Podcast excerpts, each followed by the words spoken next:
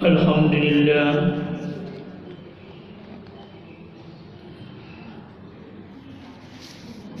الحمد لله رب العالمين الذي أنزل القرآن هدى للناس وبينات من الهدى والفرقان. أشهد أن لا إله إلا الله وأشهد أن محمدا رسول الله.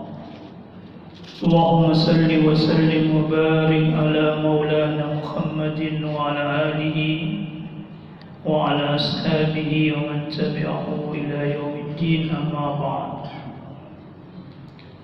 Alhamdulillah pada subuh hari ini kita akan melanjutkan kajian kita terhadap surah Al-Fatihah yang mesti pembahasan basmalah. Pada pertemuan-pertemuan sebelumnya kita sudah menjelaskan makna bi maka pada kesempatan ini kita akan menjelaskan kata ismun. Ismun yaitu nama. Bismi. Bismi dengan nama. Atas nama.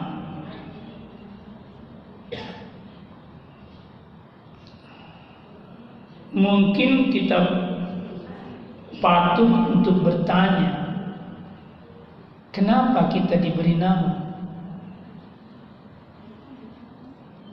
Apa arti sebuah nama? Dan kenapa Allah menamai dirinya sendiri? Nah, itu mungkin kita perlu bertanya seperti itu. Contoh misalnya, kenapa kita dikasih nama manusia? Gitu ya? Kenapa kita diberi nama Ahmad misalnya? Ternyata kalau kita mencoba mengkaji tentang nama ini, ini dalam sekali maknanya, ya. dan sekaligus menggambarkan ketinggian sang pemilik nama. Kata nama dalam bahasa Arab, ulama berbeda pendapat tentang asal katanya. Ada yang berpendapat kata nama itu berasal dari kata asumu atau as, dan yang kedua ada yang mengatakan dari kata asimma. Apa makna daripada asumu? Asumu itu berarti ketinggian atau kemuliaan. Dari makna ini kita bisa memahami bahwa nama seseorang itu menggambarkan ketinggiannya dan kemuliaannya. Itu yang pertama. Yang kedua nama berasal dari kata asimma. Jadi al-ism itu berasal dari kata asimma. Apa artinya asimma? Tanda identitas diri. Jadi nama itu menggambarkan identitas diri seseorang. Dan identitas itu atau tanda itu merupakan ketinggian dan kemuliaan seseorang. Itu filosofinya. Jadi orang diberi nama supaya dia bisa menjadikan nama itu identitas pri pribadinya. Misalnya kita dinamai ada nama bernama Mujaddid. Nah ini kan ada nama orang namanya Mujaddid.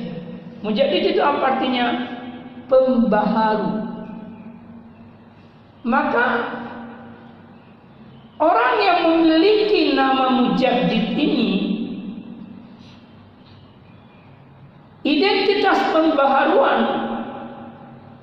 itu harus hadir dalam dirinya.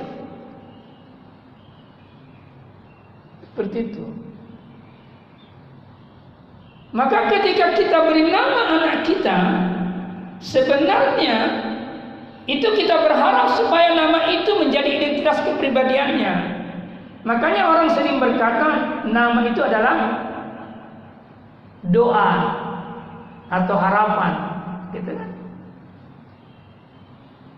Saya misalnya memberi nama anak saya dengan namanya sekarang. Maka ketika saya berdoa, saya berhak berdoa kepada Allah untuk dia. Pertama saya berdoa berdasarkan namanya. Anak pertama saya itu saya beri nama Izza Irfani Sadrah Mutia. Anjam nih. Anak kedua saya saya kasih nama Izzat Aziz Muta'al. Anak ketiga saya saya kasih nama Izzat Ahmad Mutahhar. Anak pertama saya ketika saya kasih nama Izzat Irfani Sadrah Mutia, saya lagi gencar-gencarnya belajar ilmu irfan.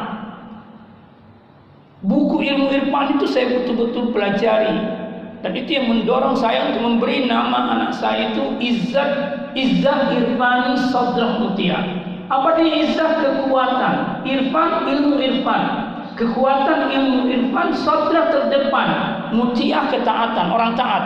Maka saya berharap lebih awalnya dia harus memiliki ilmu irfan yang mengantarnya menjadi manusia paling taat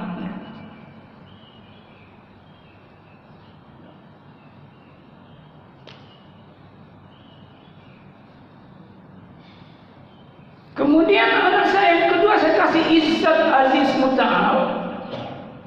Kata Aziz itu pemberian nama bapak saya kepada dia. Karena waktu dia dilahirkan, tapi maaf ini dia kencing langsung suster. langsung bapak saya bilang kasih nama Aziz anak. Maka saya tahu Izzat Aziz Muta'al. Dengan kekuatan Allah yang Maha Aziz, dia akan menjadi orang yang tinggi di sisi Allah.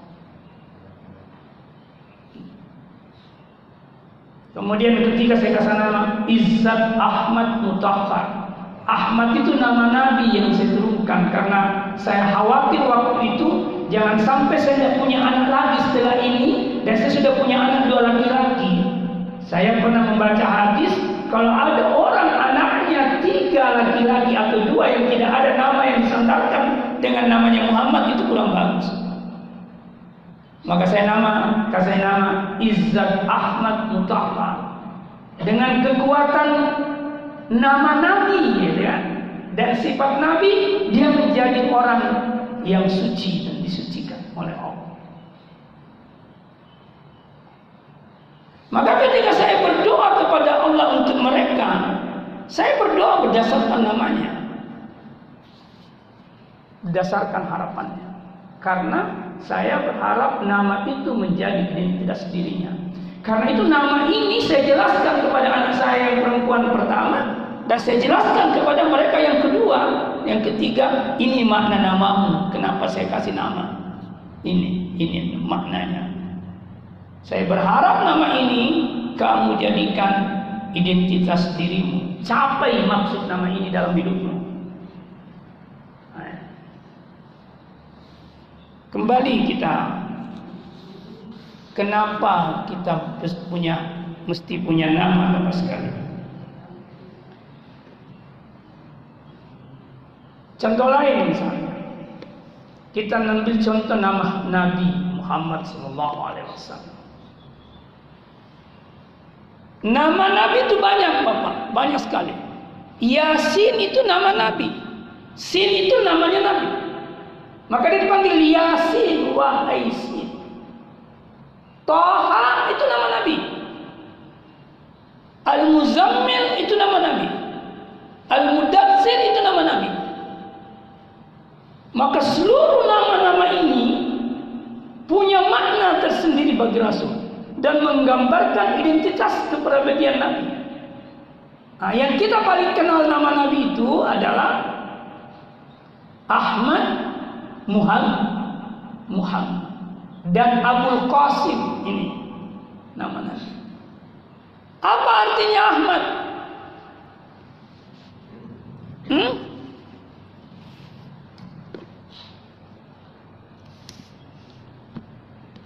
Kalau kita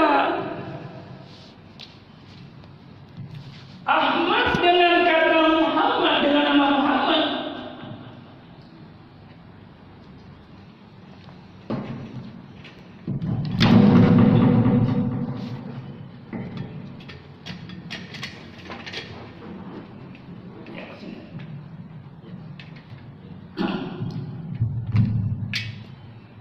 Jadi nama Ahmad dengan nama Muhammad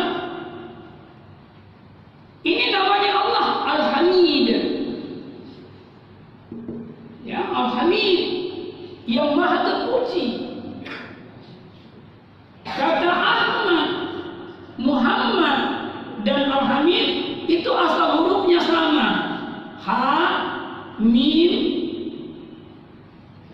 do. Ada nggak haknya? Ada mimnya, ada dalnya, ya kan? Di sini juga ada mimnya, haknya, mimnya, dalnya. Di sini juga ada mimnya, haknya, dalnya. Semua ini tambahan. Alifnya tambahan, mimnya tambahan. Tapi asalnya dari sini. Apa maknanya? Terpuji. Maka kata al alhamdu, nah, nanti kita bahas ini. Alhamdu itu dari sini.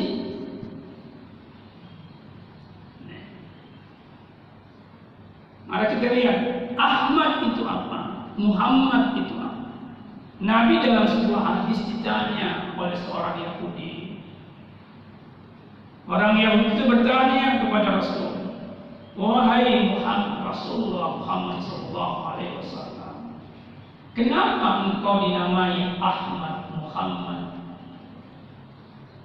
Nabi bertanya, nah, Nabi tanya, lalu kemudian Nabi menjawab, saya dinamai Ahmad itu karena saya adalah yang paling terpuji di langit. Jadi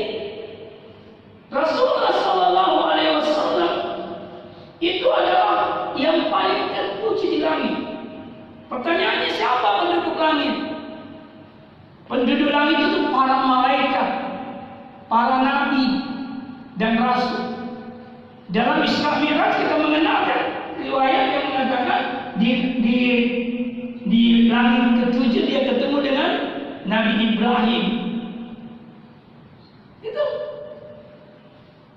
Maka ketika dia dinamai dengan nama Ahmad Sallallahu Alaihi Wasallam ini dia karena dia adalah orang yang paling terpuji di langit. Dan dia dinamai dengan Muhammad karena Rasulullah Sallallahu Alaihi Wasallam yang paling terpuji di bumi. Nih. Jadi namanya menggambarkan identitas kepribadiannya. Namanya menggambarkan ketinggian dan kemuliaannya di sisi Allah. Dan namanya menggambarkan kedudukannya di sisi Allah Subhanahu wa taala. Maka nama itu mesti terkait dengan kedekatan kepada Allah. Jangan beri nama kepada sesuatu yang kita khususnya kepada anak kita yang tidak menggambarkan harapan kedekatan kepada Allah. Ini. Ya jangan sembarang kasih nama. Hmm? Carilah nama yang menggambarkan kedekatan kepada Allah. Dan sekaligus pernah Nama itu pernah digunakan oleh orang yang dekat kepada Allah Subhanahu. Itulah sebabnya kenapa ulama-ulama kita dulu itu eh, sering kali memberi nama anak-anaknya yang menggambarkan kedekatannya kepada Allah. Beda dengan orang sekarang. Ya, orang sekarang itu nama yang dikasih anaknya. Yang penting keren disebut. Saya punya ibu mertua itu dulu bilang, eh, susah sekali disebut namanya anaknya. Panjang lagi. Saya bilang, ada harapanku di situ ibu. Maka saya tetap kasih nama itu. Hmm. Ini contohnya. Nah, kita masuk sedikit yang lain supaya dalam. Kenapa manusia disebut manusia? Tidak Bapak bertanya kenapa saya disebut manusia? Eh? Dalam dalam Al-Quran manusia itu namanya banyak. Yang pertama dalam Al-Quran disebut manusia itu disebut al-bashar. Yang kedua dia disebut al-insan. Yang ketiga dia disebut an-nas. Yang keempat dia disebut ins. Yang kelima dia disebut unas. Wajahnya. Yang keenam disebut Bani Adam. Atau zuriyat Adam. Semua nama ini punya makna tersendiri dan menggambarkan kualitas manusia itu. Manusia disebut bashar karena dia makhluk biologis reproduksi. Makhluk yang butuh S2 P2. Dia butuh S2 P2. Apa S yang pertama? Dia butuh sandang. Dia butuh, yang kedua dia butuh seks. Yang ketiga dia butuh pangan. Yang keempat dia butuh papan. Jadi manusia itu memenuhi harus memenuhi kebutuhan ininya. Nih. Dan ini diatur oleh Islam serinci mungkin. Menurut pemahaman saya, aturan yang paling rinci dalam syariat Islam termasuk dalam Al-Quran itu termasuk aturan seperti ini. Aturan tentang seks itu diatur sekali, ketat sekali, rinci sekali. Aturan tentang sandang juga begitu, pangan papan juga begitu. Ini yang kita sering maksudkan sebagai kebutuhan pri primer. Tidak salah pemahaman ini yang diajarkan kepada kita sebagai kebutuhan primer. Tapi Bapak sekalian, ini kebutuhan primer paling rendah. Meskipun dia kebutuhan primer yang mesti paling cepat dipenuhi. Tapi dia paling rendah nilainya.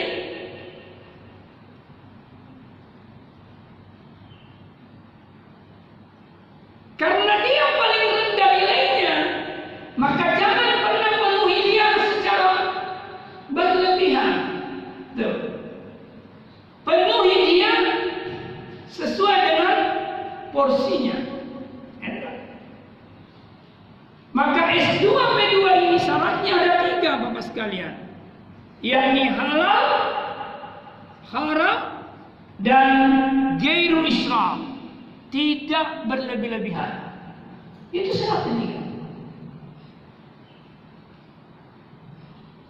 Kalau saya syaratnya nikah. Nah ini. Tidak boleh seks di luar nikah. Karena kalau dia memenuhi seks di luar nikah, maka dia rusak biologis reproduksinya.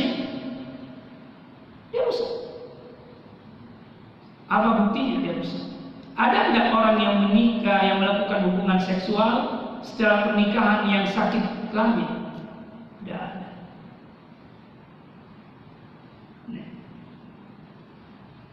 Tapi orang yang melakukan hubungan seksual di luar nikah kena penyakit AIDS dan banyak sifilis dan sebagainya. Itu berarti dia rusak. Maka nikah itu itu obat dari penyakit seksual reproduksi.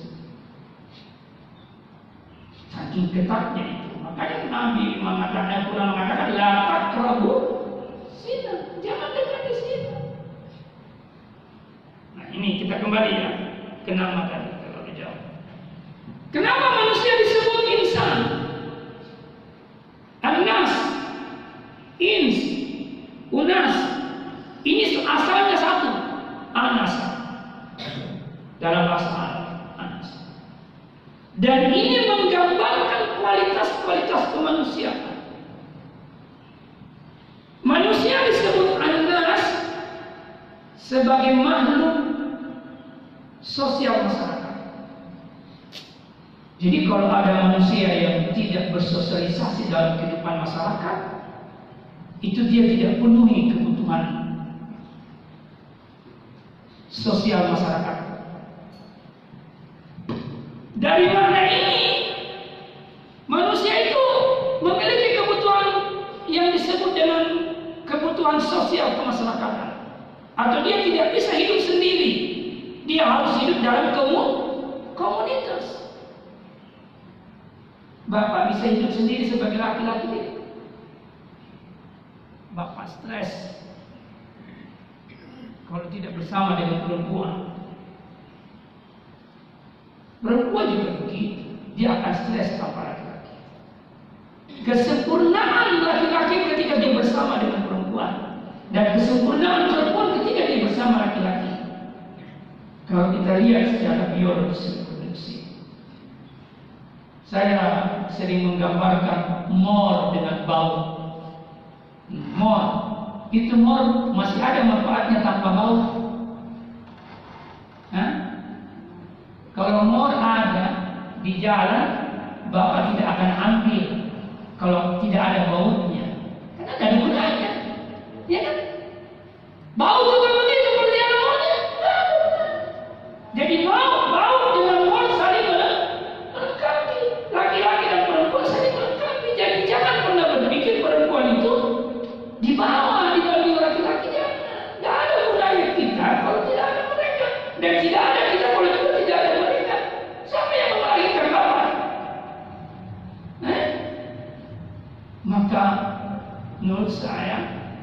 Ciri-ciri imannya orang bagus kalau dia mampu memuliakan perempuan. Kalau tidak, dia ahli salah kita tidak bisa dikatakan bagus. Saya mau bilang itu.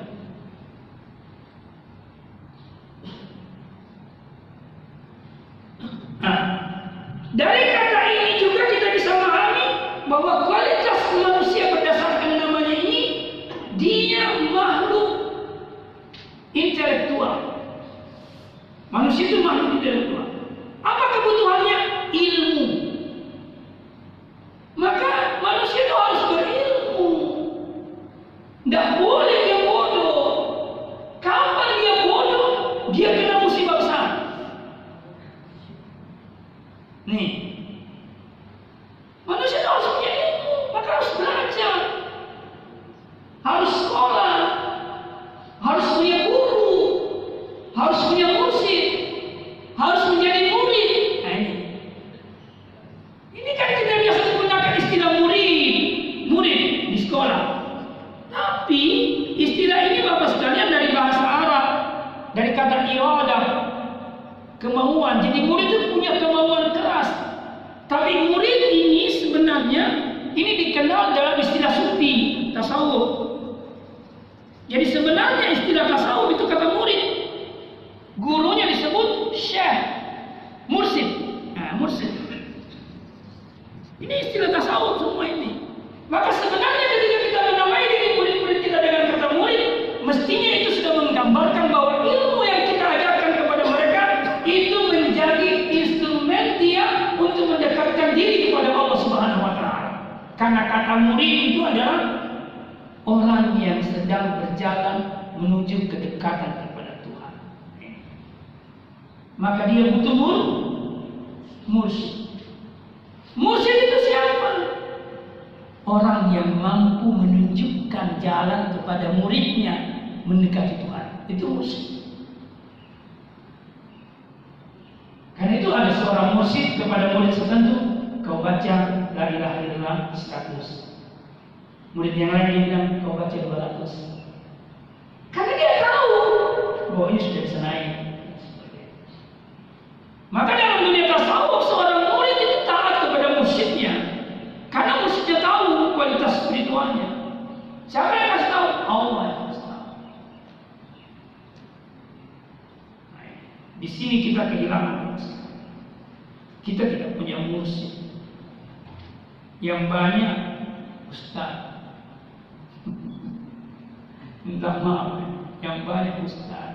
Tapi tidak, banyak musyid. Salah sedikit ustaznya juga tidak punya musyid. Itu bahaya. Ustaznya tidak punya musyid itu bahaya. Ya. Ini contoh. Ya. Nah. Yang ketiga, keempat, manusia itu disebut anas insan ins unas itu karena dia makhluk biologis, makhluk spiritual. Yakni makhluk yang butuh agama dan beramal agama.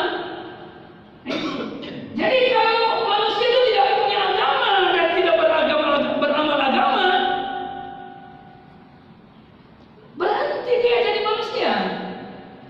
Meskipun tubuhnya adalah manu- manusia. Jadi ada empat dimensi manusia yang tergambar dalam dirinya dari nama-nama ini. Ada empat apa sekalian. Pertama, manusia itu berdimensi biologis reproduksi. Dia butuh sandang, seks, pangan, papan. Itu kebutuhan primernya, dimensi itu. Yang kedua, manusia itu berdimensi intelektual. Dia butuh ilmu dan peradaban. Apa kebutuhan primernya? Ilmu. Yang ketiga, dia makhluk sosial masyarakat. Apa kebutuhannya komunitas sosial masyarakat? Itu kebutuhan pokok, itu kebutuhan primer.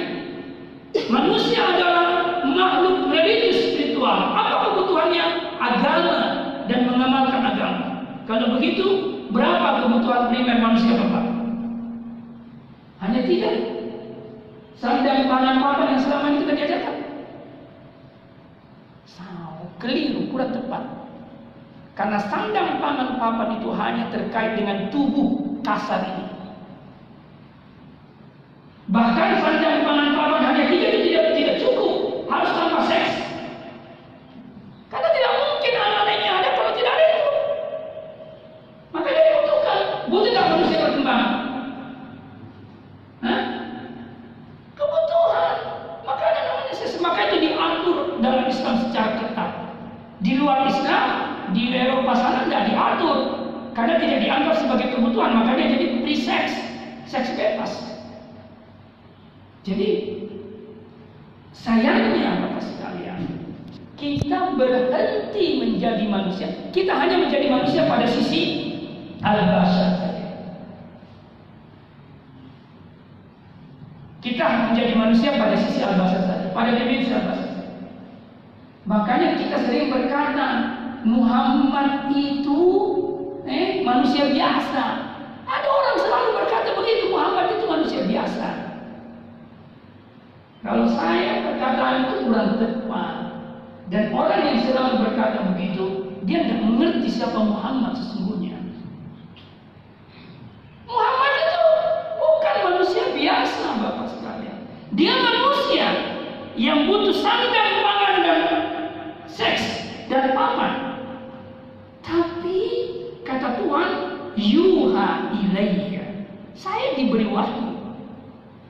Ketika dia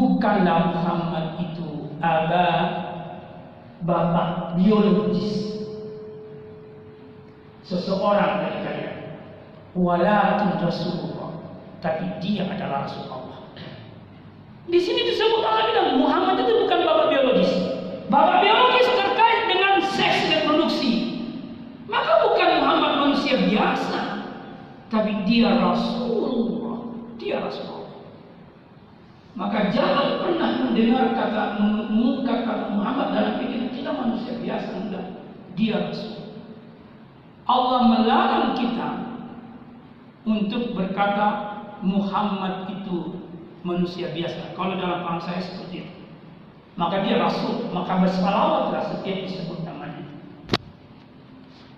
Jadi sekali lagi kebutuhan primer kita delapan, Pak. tujuh. Ilmu, komunitas, agama, seks, sandang, pangan, papan. Kebutuhan yang saya sebut, sebutkan yang empat terakhir itu kebutuhan paling rendah. Kenapa disebut rendah? Seperti saya katakan tadi, karena dia terkait dengan jasmani kita. Yang kedua, karena dia terkait dengan kehewanan kita. Jadi jasmani kita itu wilayah kehewanan. Saya mau tanya, apa anjing makan? Butuh minuman? Butuh apa? butuh kandang, butuh ya. Butuh sandang, kulitnya, bulunya sandang. Itu keindahannya. Dia butuh seks? Iya. Sama tidak dengan manusia yang butuh itu? Sama. Berarti itu sisi kehenan. Sekarang saya tanya, apakah anjing butuh ilmu? Butuh ilmu tak? Tidak. Apa anjing butuh Komunitas sosial yang berkembang? Tidak butuh dia. Apakah anjing butuh agama? Tidak. Ini yang membedakan kita dengan hewan. Maka prioritaskan ilmu. Prioritaskan komunitas sosial. Lebih-lebih lagi prioritaskan agama. Itulah sebabnya kenapa harta dikorbankan untuk disekolahkan anak kita. Nah. Ilmu, agama, komunitas sosial itu wilayah rohani manusia.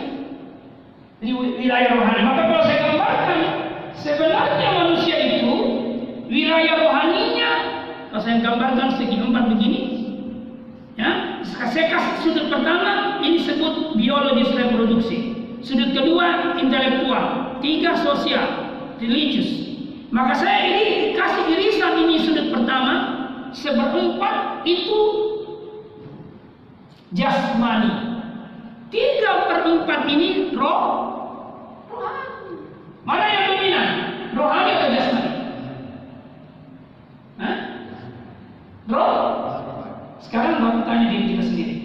Selama hidupnya Bapak, mana yang Bapak dominan perhatikan? Jasmani atau rohani? Nah, itulah masalahnya. Itu masalahnya. Sabar lagi. Habis waktu untuk memenuhi kebutuhan jasmani. Setelah itu apa yang terjadi? Sakit rohani. Ini yang terjadi sekarang. Kalau orang ngurus jasmaninya, pasti sakit rohaninya. Kalau berlebihan jasmani dia urus, pasti sakit rohaninya. Tapi kalau dia urus rohaninya, insya Allah sehat jasmaninya. Itu sebenarnya kehidupan. Nah, jadi kalau orang lebih dominan menjadi mengurus jasmaninya dan mengabaikan rohaninya, berhenti dia jadi manusia tidak? Hah? Bisa tidak disebut dia manusia? Enggak, makanya kan Quran mengatakan ulaika kal an'am bal adol. Mereka itu bagikan hewan, piaraan, bahkan lebih hina, lebih sesat. Ini perlu dipahami. Jadi baru nama manusia saja itu sudah menjelaskan kepada kita bagaimana nama dia dinamai manusia itu dengan kualitas ini. Nah, saya lihat agak lupa sedikit tadi itu. Nama yang kedua itu Suriyat Adam atau Bani Adam. Apa maksudnya Suriyat Adam? Kenapa dia disebut Suriyat Adam? Artinya manusia itu sumbernya satu. Sama dia, anak keturunan. Jadi kalau Bapak menyakiti orang lain, menzalimi orang lain, menzalimi diri sendiri karena sumber kita sama. Kalau orang paham kenapa saya disebut suriat dan anak keturunan Adam, maka sikap kita menzalimi orang lain yang sama tertahan, terkendali, karena sama dengan menzalimi diri sendiri. Apalagi menzalimi anak, menzalimi murid, menzalimi istri, menzalimi suami. Itu sama dengan menzalimi diri sendiri. Karena tidak mengerti kenapa saya disebut suriat atau Bani Adam. Nah, ini kira-kira terkait dengan nama. Baru pengantar ini Pak, belum dimasuk. Ya. Terima kasih. Bila itu bidaya. Assalamualaikum warahmatullahi